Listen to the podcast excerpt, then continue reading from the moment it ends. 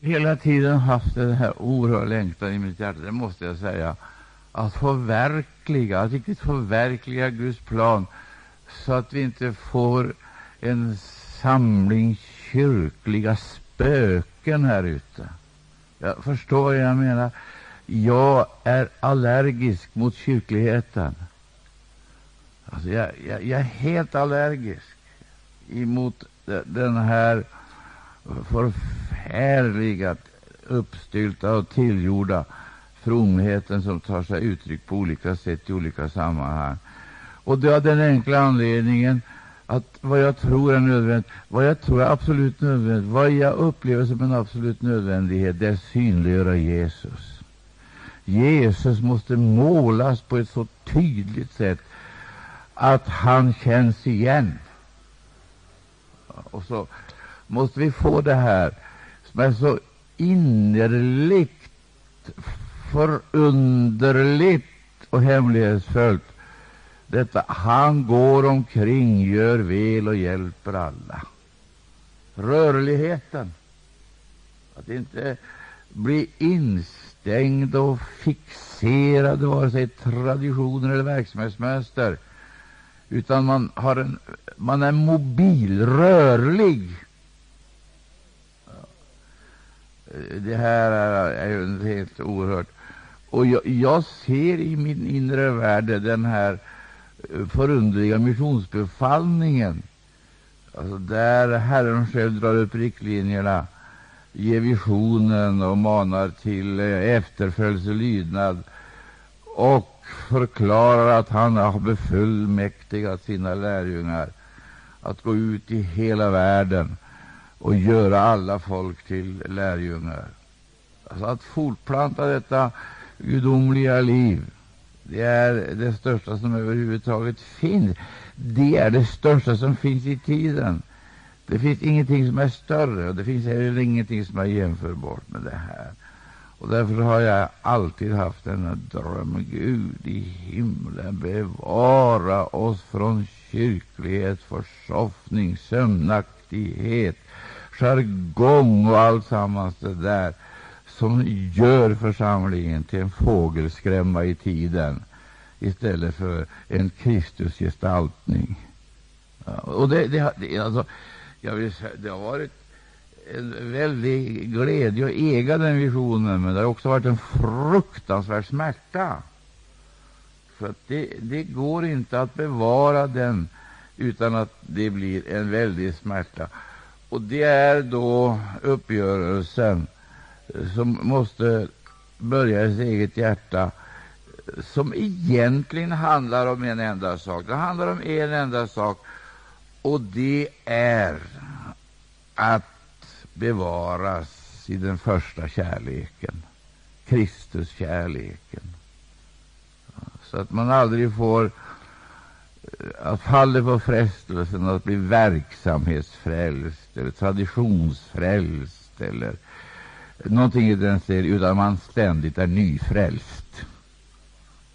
Ja, det är det där frågan Och det, det är vissa saker som griper mig i Nya testamentet mer än andra, det måste jag medge. Och så, det står att kunskapen om honom, alltså, den gick ut över eh, hela området, hela, och alla i provinsen eh, eh, fick höra. Ja, det, och det förstår ju att detta kan ju aldrig vara en fritidshobby. Det är en, omöjlig, en omöjlighet. Det måste bli ett heltidsengagemang för var och en. Och ju mindre dödkött alltså, församlingen är plågad utav ju större förutsättningar har ju församlingen att komma ut in i, och in i det här heliga uppdraget. Ja. Och så ska jag säga en sak. Det sägs att vi är få. Var man fått det ifrån, det vet jag inte. För jag har alltid känt att vi är en majoritet. Och Det beror på det enkla förhållandet att de som är med oss är fler än de som är med i världen. Jag har alltid upplevt oss som minor. Även när jag kommit ensam så har jag emot en, en ganska stor grupp så har jag känsla av ära vare Gud. Ja. Jag och Gud är majoritet. Tror du det, så säger jag med. Jag har alltid trott detta. Antingen det har varit eh, Eh, förhandlingar med myndighetspersoner eller med någonting annat som har gällt Guds verk, så har jag alltid känt att vi är i, i majoritet. Alltid. Och det har i realiteten inneburit att denna styrkedemonstration har i verkligheten förts på två plan. Först är det frågan om den psykologiska krigföringen. Satan använder alltid bestående medel eh, för att psyka, sänka ner i missmod eh, och eh, man blir lite, kanske lite ängslig och upplever hånet och fraktet och idiotstämpeln. Blir man upptagen av detta, då är man fullständigt oduglig. Men lämnar man det där, låter det vara och se på Jesus, då har man övertaget. Och det är det andliga övertaget vi måste ha, så människorna upplever att vi har fullmakter. Och det bevisar vi genom vår frimodighet. Det är en märklig text jag har, och jag verkliga frågor som jag skulle vilja ställa. Mycket märklig text. Därför att under de senaste åren, vågar jag påstå, så har ju budskapet om Jesu tillkommelse av naturliga orsaker blivit så oerhört aktuellt. Det har blivit så aktuellt. Det är precis som om händelserna de eh, talar sitt mäktiga språk om tidens slutfaser. Och i en värld där allting inträffar så snabbt, där skeendet alltså, utvecklar sig med eh, nästan en matematisk precision emot det som vi har läst så mycket om i de heliga skrifterna, men kanske inte förstått. Vi har inte haft förutsättningar att förstå det. Men idag klarnar det i sanning. Idag klarnar det. Och det är helt uppenbart att vi i mycket stor utsträckning, jag säger mycket stor utsträckning, har missförstått budskapet om Jesu tillkommelse. Därför att det har blivit en slags teknisk, teologisk och eskatologisk problematik. Och det finns någonting som heter den eskatologiska paradoxen. Den eskatologiska paradoxen. Alltså det är skenbara motsägelser och så människor blir upptagna av dessa skenbara motsägelser så till den milda grad att de inte har upptäckt storheten i det Gud gör och håller på med. Ja. De har fixerats negativt. Och till och med har det hänt att man har dragit fram exempel på människor som har tagit det här så bokstavligt så de har menat att de bör eh, praktiskt demonstrera sin vilja att möta Jesus. De har klätt sig vitt, sägs det, och så har de gått ut på bergstopparna där de har stått och viftat med sina armar och lovat Gud och väntat på Herren Jesus Kristus. Och Detta har man satt fram då som ett eh, eh avskräckande exempel på över... Eh, alltså jag vill inte kalla det övertro, men det är alltså uttryck för en fullständig miss då man handlar på det sättet och tycker att det är någonting så förfärligt. Och, och man har dessutom talat om de här gamla predikanterna som man har räckt lång näsa till. De här gamla predikanterna som åkte omkring med sina planscher. De ritade och de berättade från skapelsen. De berättade om de sju eh, hushållningarna, nådesepokerna i den heliga historien. Och de berättade om vad som hände, hur de började, hur de avslutade, ända fram till den sista i den här oerhörda, i den här oerhörda och dramatiska eh, historien.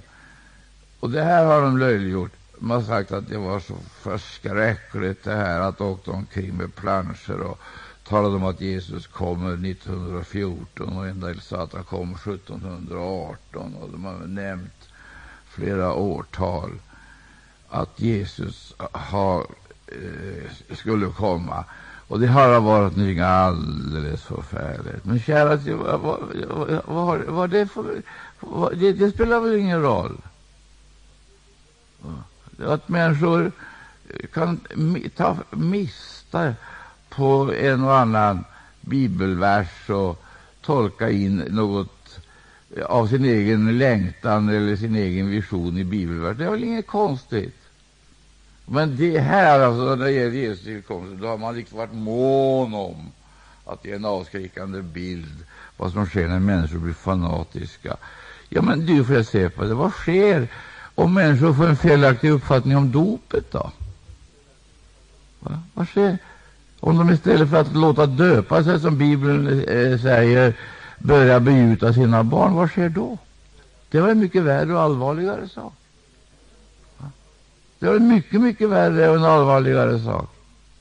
Eller andra ting som helt uppenbart är fruktansvärt när man lär exempelvis sakramenten Eh, ska, ska leda in i Guds eh, församling eh, och att man genom sakramenten får evigt liv. Vad är det för någonting då? Det är ju långt allvarligare. Om Jesus inte kom det årtalet så är ju problemet liksom ur världen. Då är det färdigt. Men barnbegjutningen fortsätter ju, generation efter generation. Och vad innebär det att exempelvis generationer av unga människor släpas fram till nattvardsbordet? Och vad är nattvardsbordet i det här sammanhanget, ut, eh, och, om vi ska se det precis som Bibeln säger, annat än det onda andars bord? Jag tror inte vi riktigt fattar hur vidrig exempelvis förkunnelsen har varit då man har hela tiden försökt psyka ner de här enkla människorna som väntar på Jesus. Och tar, nu har de tagit fel, och nu har de tagit fel, och nu har de tagit fel. Och det var fel, och så gjorde de då, när de greps av den fanatiska känslan att Jesus kommer. Ska jag berätta en sak för dig? Se mig in i ögonen, ska jag berätta en sak för dig. Så här ligger det till. Jesus kom igår. Jesus kom idag. Jesus kommer imorgon. Vad är det jag talar om? Jag talar om hoppet. Och så talar jag om hoppets fullbordan. Hoppet är levande, och det är så levande att man har en alldeles bestämd känsla av att man är alldeles, alldeles i närheten av hans tillkommelse. Då man är fylld av Anden sprängs alla timliga gränser, och man upplever oändligheten på ett så påtagligt sätt att en dag blir som tusen år. Så säger det här en gång till. I tre betydelser kan vi läsa om Jesus som kom igår. Han kommer idag, han, och han kommer imorgon. Vet du varför? Jesus Kristus är densamme igår, idag, så och evighet. Ja, men hur vill du då förklara att han kom igår?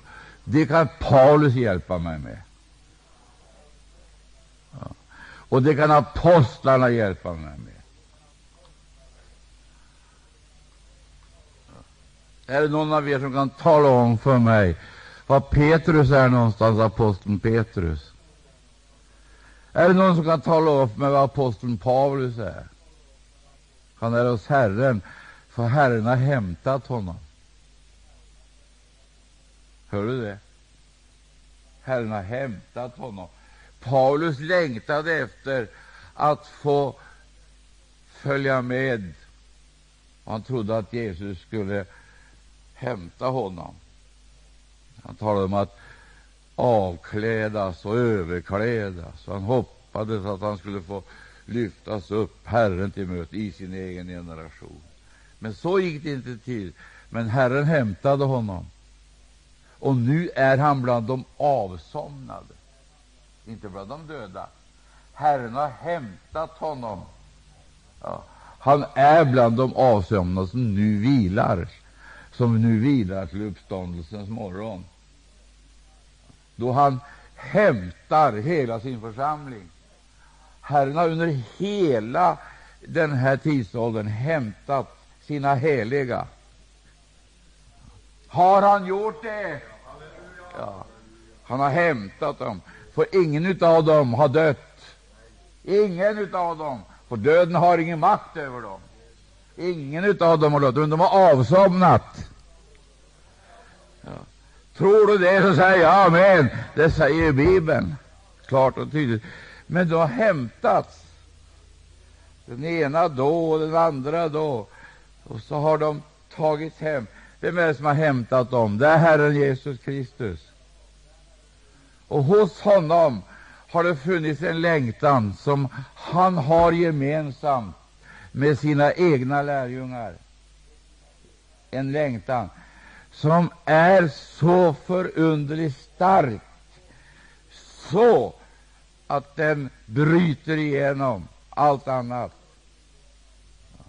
Jag vill att där jag är, där skolan och ni vara. Det tycker jag vi kan säga amen till. Vill han det, då gör han det.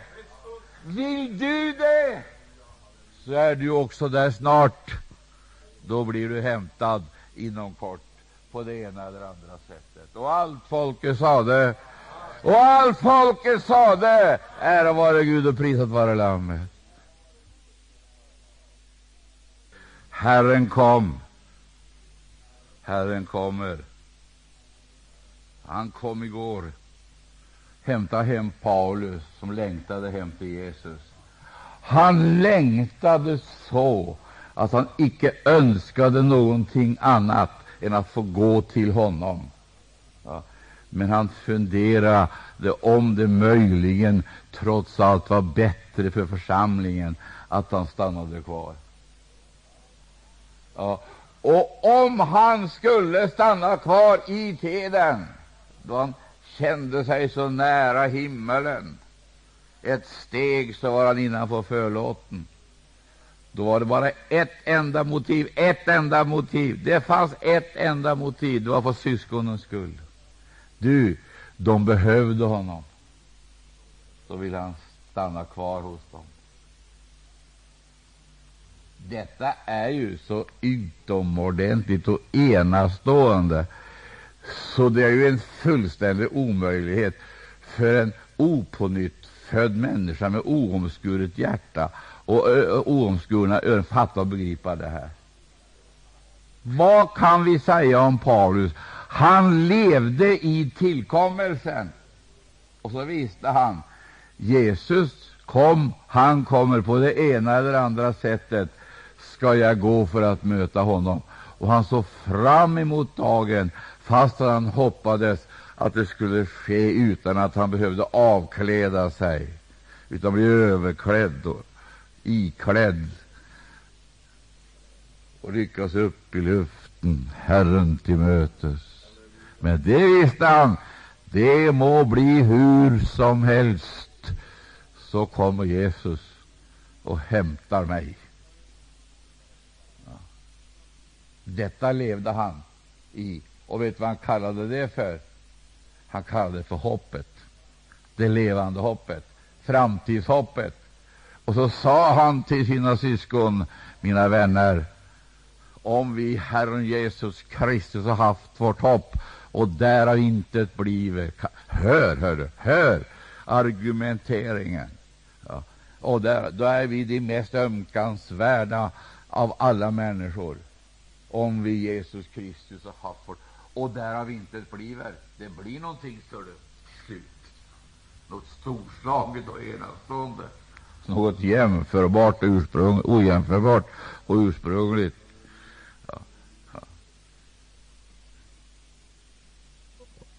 Om Jesus Kristus har haft vårt hopp och därav intet bliver, ja, då är vi de mest ömkansvärda av alla människor.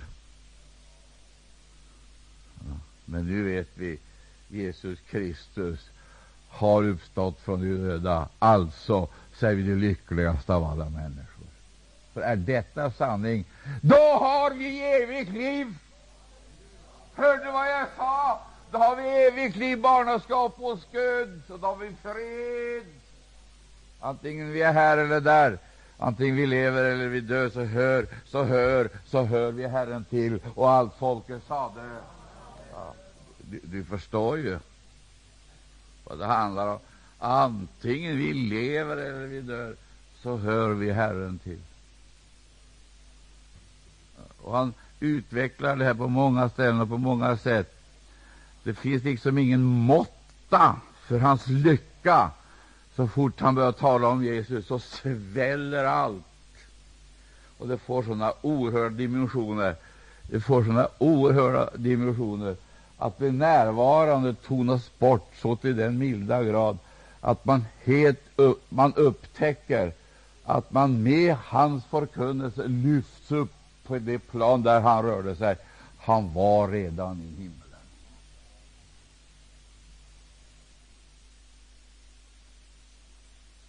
Han är underbart när med sin kraft, med sin är han här. Vi måste sjunga den kören tillsammans. Det påstås att det strax innanför den norska gränsen var tältmöten. Ja.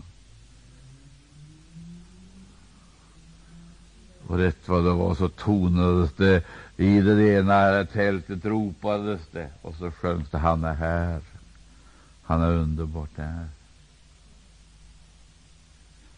Och i det andra tältet, där sjöngs det på sitt sätt. Han är icke här. Han är icke här. Det vet ju lite konstigt. De ville aktualisera ropet som nådde dem. Han är inte här. Han är uppstånden. Men det blev lite dramatiskt när man i det ena tältet sjöng Han är icke här och i det andra Han är här. Och så var det sant båda delarna. Och hur ska man kunna förklara det? Fundera. En sak är säker, han är inte i graven. Ja, han har lämnat den. Tror du det, så säger jag amen. Han har gått ut ur graven i triumf. Han är inte i graven. Söker du honom bland de döda, då finner du honom icke. I död religion, död tradition. Ja. Söker honom på fel plats, finner du honom icke. Sök honom där han är. Var är han någonstans? Hos sina lärjungar. Där finns han. Var två eller tre är församlade i hans namn bästa finns. Tacka Jesus, prisa Jesus, lova Jesus, upphöj honom. För han som var, han är och förbliver densamme inte evig tid. Och han går omkring bland de sju gyllene ljusstakarna. Därför att han vill utföra sitt uppdrag att befria, rena och lyfta sin församling. in i sitt gudomliga ämbete. Det här, det här är så underbart att se hur Gud samordnar det hela. Det är sant att det är många som har blivit hämtade av Jesus redan. Ja, där har du dem. Där har du dem. Apostlarna och urkristna församlingen och sen alla heliga rakt genom hela historien fram till vår egen tid. Var är Barrat någonstans? Var är de? De är hos Herren. Vad gör de där? De väntar, bidar. Vad är det de väntar på oss, att vi åter ska förenas och tillsammans gå för att möta Jesus. Jesus hämtade dem när tiden var inne. Då hämtade han dem. Det var inget misstag. Han hämtade dem när tiden var inne. Och De upplevde att tiden var väldigt kort och därför så var det absolut nödvändigt, menar Paulus, att man måste köpa tiden. Det vill säga tillägna sig den, betala priset, för det man köper, det äger man. Och det har man rätt att disponera. Rätt att använda tiden till vilket man har köpt den. Och kan man göra något bättre, bättre än att använda den korta tid som vi har, kan vi göra något bättre än att i denna tid tjäna Jesus? Finns det något större? Nå något förunderligare? Betala priset, vilket ju innebär att man inte kanske eh, kan tillägna sig det som världen betraktar som en absolut nödvändighet. För sin lycka, för sin förströelse, för det de tycker är meningsfullt, så kommer det enkla människor som betalar tiden, köper den och fyller den på ett sånt dåraktigt sätt så att människor undrar om de inte är riktigt kloka. Man kan fråga sig vad är det som har hänt med dem. Vad är det som har hänt? Vad är det som har hänt?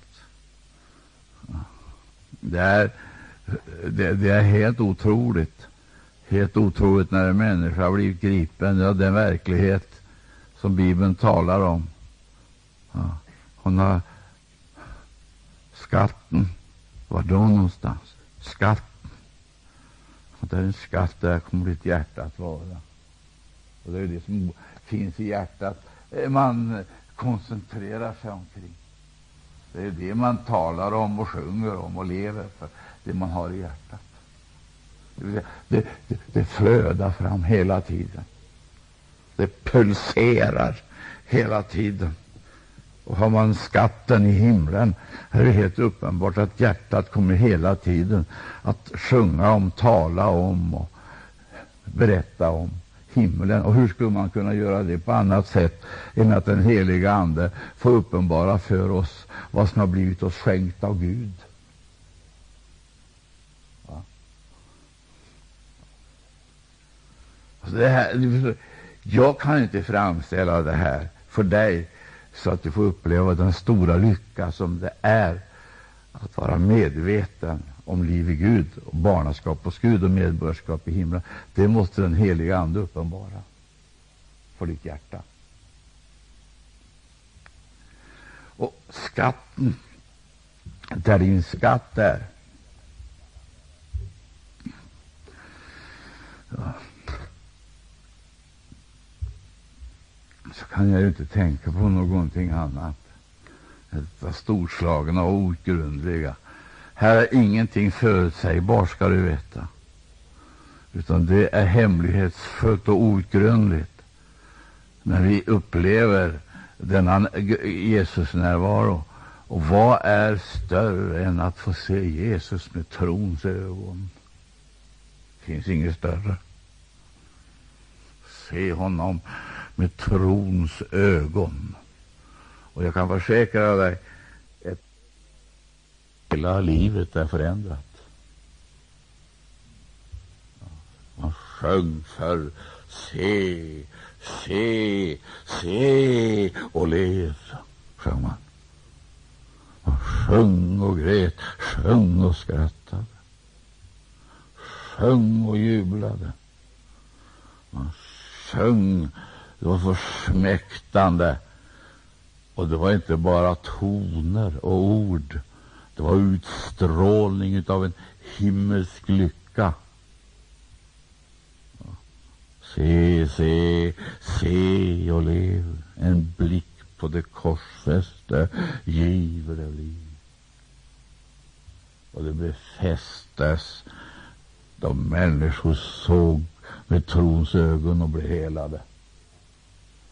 Såg med trons ögon och blev frälsta. Såg med trons ögon och blev döpta i den heliga Ande. Såg med trons ögon och befriade sig från missmod, komplex och alltsammans det där som är så typiska kännetecken för människorna i tiden. Se på Jesus. Han är här. Hör vad jag sa? Han som var, som är och förblir densamme intill evig tid.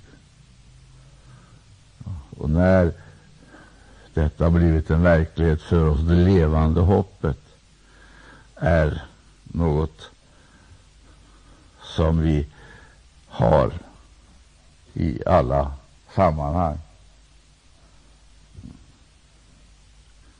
Då är det aldrig långt till hans tillkommelse. Då gäller det. Han kommer snart. Han kommer snart. Han kommer snart.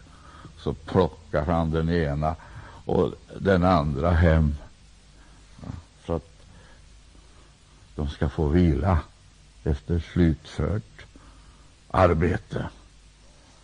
Arbetsdagen är slut och så går de hem och väntar på uppståndelsens morgon då den stridande och vilande församlingen ska förenas.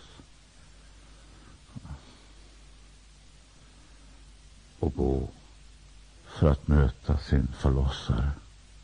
Är du glad för det frälst? Är du glad för det frälst? Är du glad för att du är frälst? Kan du tacka honom? Ja, du är återlöst, du är fri från all fördömelse, införsatt i Guds förundliga värld. Ja, för att han genom sin väldiga nåd ska få bevisa sin rikedom, sin nåds rikedom mot det heliga som är hos Herren. Herren hämtade honom. Ta honom där han sitter på Patmos. Han var ju isolerad i en fängelsehåla.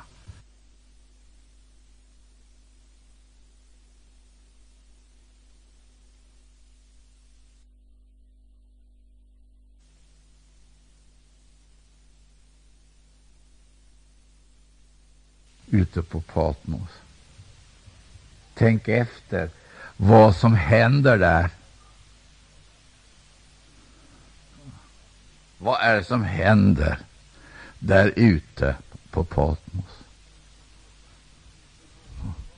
Finns det någon? Finns det någon överhuvudtaget? Jag känner ingen som på det sätt som han gjorde har beskrivit evighetens realiteter och himlens verkligheter. Knappast någon. Men du, han skrev, beskrev inte bara himmelens härlighet, han beskrev också jordens vedervärdigheter. Och nu hade han förebilder.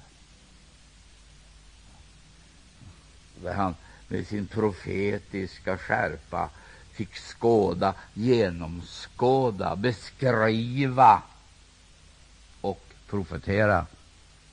Vad skriver han om Babylon, det stora Babylon? en sån prakt, en sån härlighet. En sån skönhet.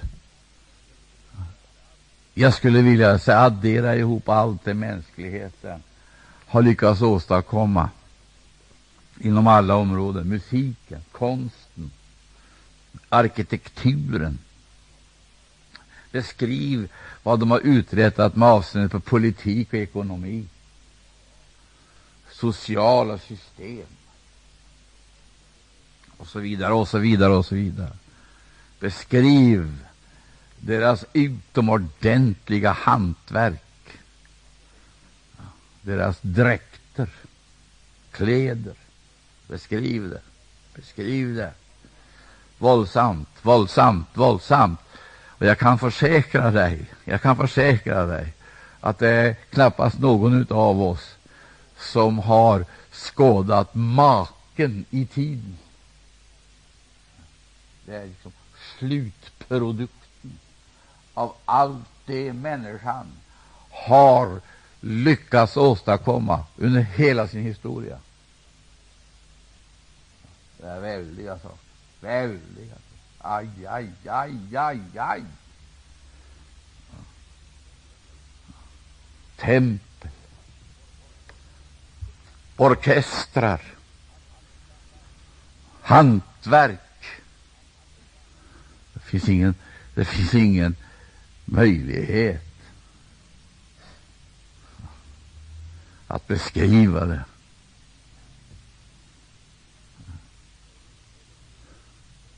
Och du, och du, och du. När himlen öppnas, då blir Babylon en bakgård. En, en sopa i tiden. Och helt plötsligt så får man se att nu är det makter, myndigheter, nu är det prakt, men det är också demoner, djävlar, blodströmmar, hat, förföljelse. Då han fick se himmelen, då blir Babylon en bakgård av mänsklighetens värsta och farligaste makter och fiender.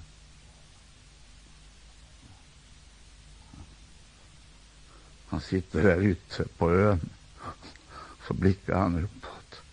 Och här han får se. Oj, stenarna med hans eget namn. Hans eget namn.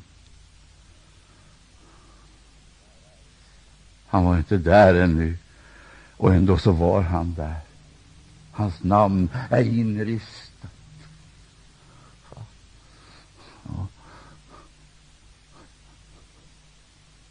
Brödernas namn finns där. Alltså, mannen som satt där ute på Patmos, han var inte i Babylon. Han var inte i Babylon, han var i himlen. Ser du, där är hans namn. Där är hans namn. Johannes. Och då skulle vi kunna utveckla det där vidare. Det var ju en sten det handlade om. Skaran som skulle befolka himlen var inte där ännu.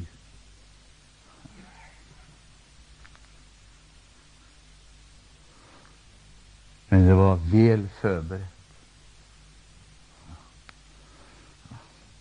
Grunden. Portarna. Så denna förunderliga muren som var och en talar om fullständig identifikation.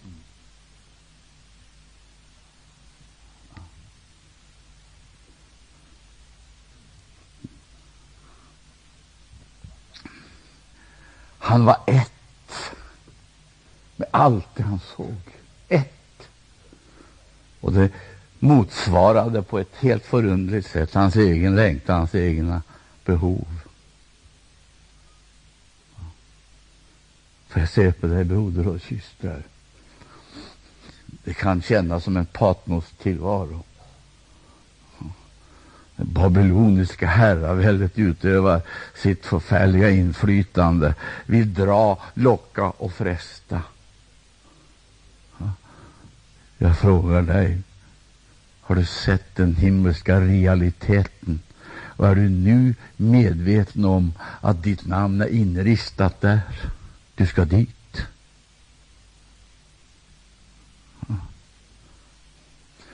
Och vet du vad som är huvudtonen, riktigt den bärande tonen i apostelns budskap? Vet du vad det är?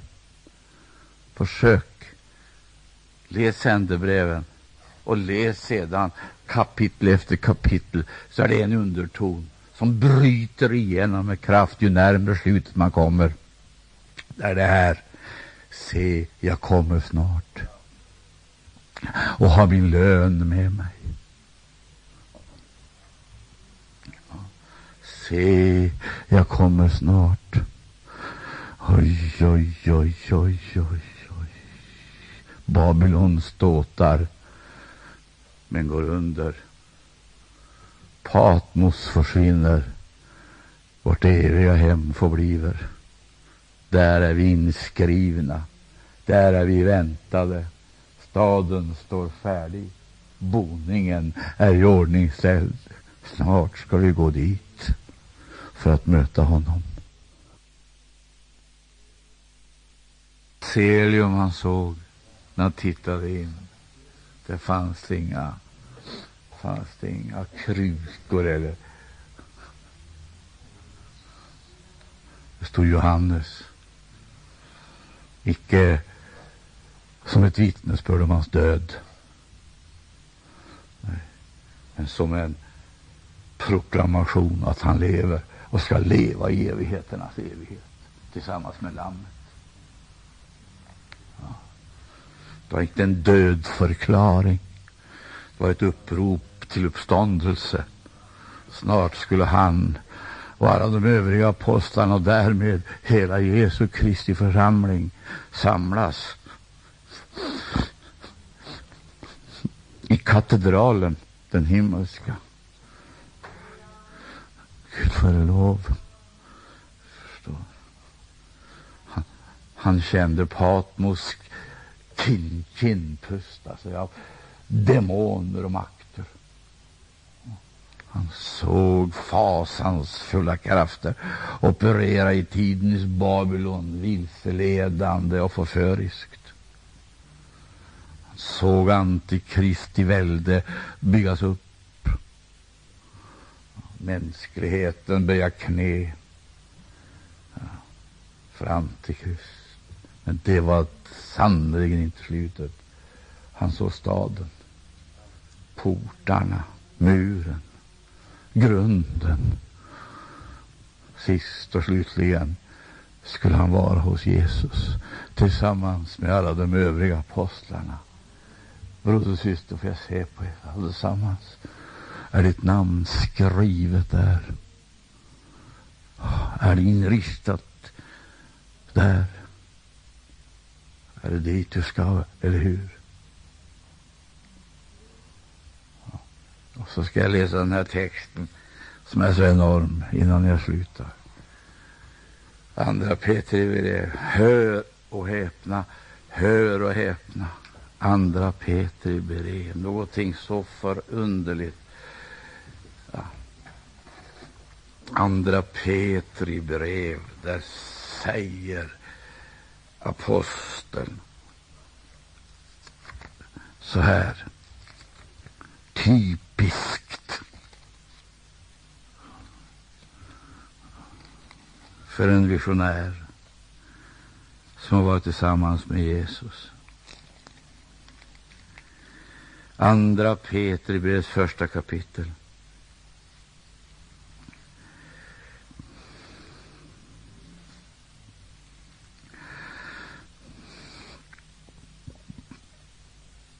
Och då börjar han, hör här, i den fjortonde versen, säga, ty jag håller det för rätt och tillbörligt. Alltså länge, ja det är den trettonde versen, så länge jag ännu är i denna kroppshydda genom mina påminnelser väcka er. Och så kommer det. Ty jag vet att jag snart ska lämna min kroppshydda. Detta har vår Herre Jesus Kristus givit till känna för mig. Det vill säga, det dröjer inte länge förrän Jesus kommer och hämtar mig. Hans tillkommelse är nära. Jag ska gå för att möta honom.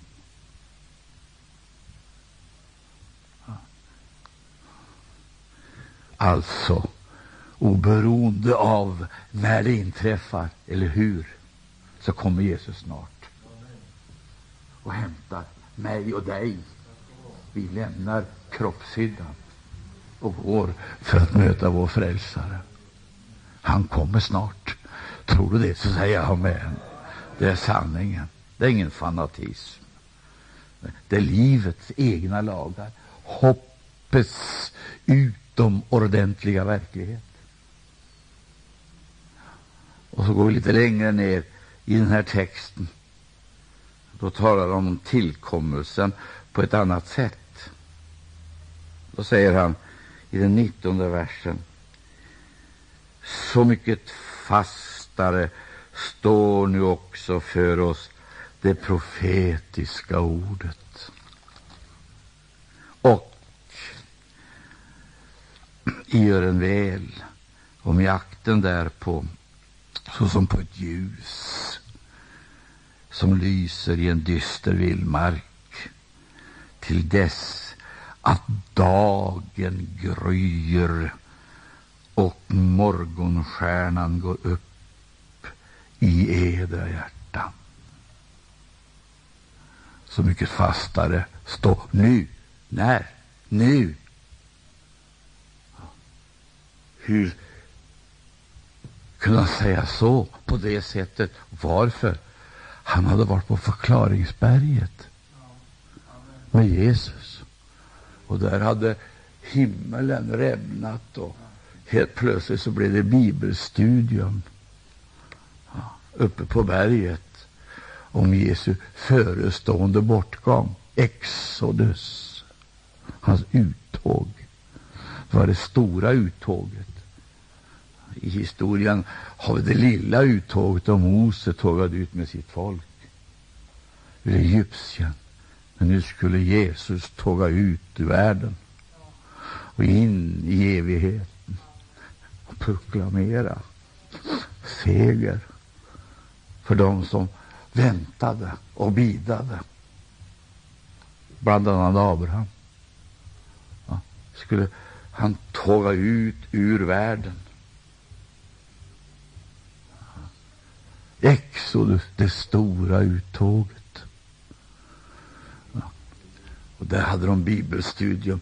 Det var Mose, lagens representant, och det var Elia, profeternas representant. Och så var det Jesus. Och så har du de där tre representanterna för församlingen, stödjepelarna. Petrus, Jakob och Johannes. Och jag blir alltid så rörd. Jag blir så rörd när jag ser och förnimmer det där förunderliga samtalet som ägde rum där uppe på förklaringsberget då Jesus räcker den ena handen åt Gamla testamentet och den andra åt Nya testamentets representanter och förenar dem till ett i sin egen kropp. Förenar dem. de heliga i Gamla förbundet och i Nya förbundet. Det vill säga, där står han, binder dem ihop till en enhet. Så förenas de till ett Guds folk, till ett egendomsfolk. Den upplevelsen den var överväldigande. Det kunde ju finnas anledning att tala om att de här tre stödjepelarna somnade på berget, men det är inte tid för det nu. Nu talar man inte om jordens vidrigheter och vedervärdigheter. Nu talar man om evigheten. Nu ligger sömnaktigheten bakom. Bristen är slut. Allt får sin upplösning, förklaring och sin förunderliga manifestation i Jesu egen kropp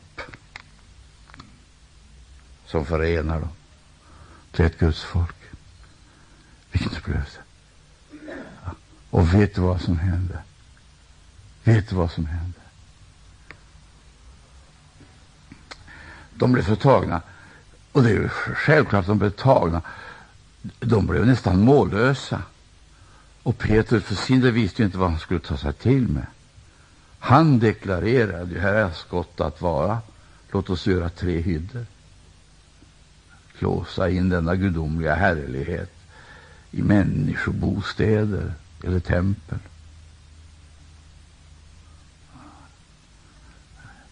Men då Jesus hade fört dem ner ifrån berget och de mötte behoven där nedanför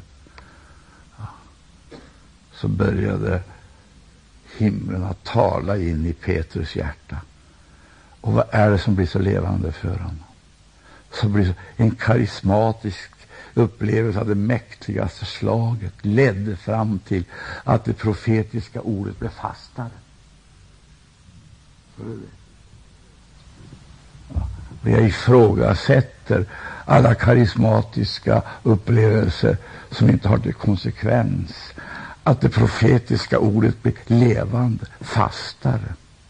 Att man börjar se ljus i tidsåldern och orientera sig i rätt riktning därför att man blir allt mer medveten om hans tillkommelse. Varje karismatisk upplevelse som är äkta ja, den talar inte om att må bra på jorden. Den talar om hans tillkommelse. Vad profetsordet har sagt. Det är det som blir aktuellt.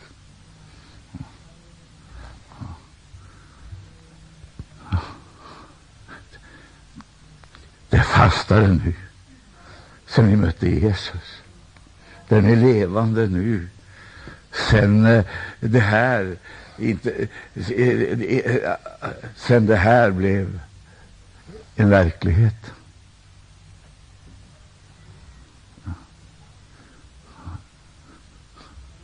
Det håller. Det Moses sa om Jesus håller.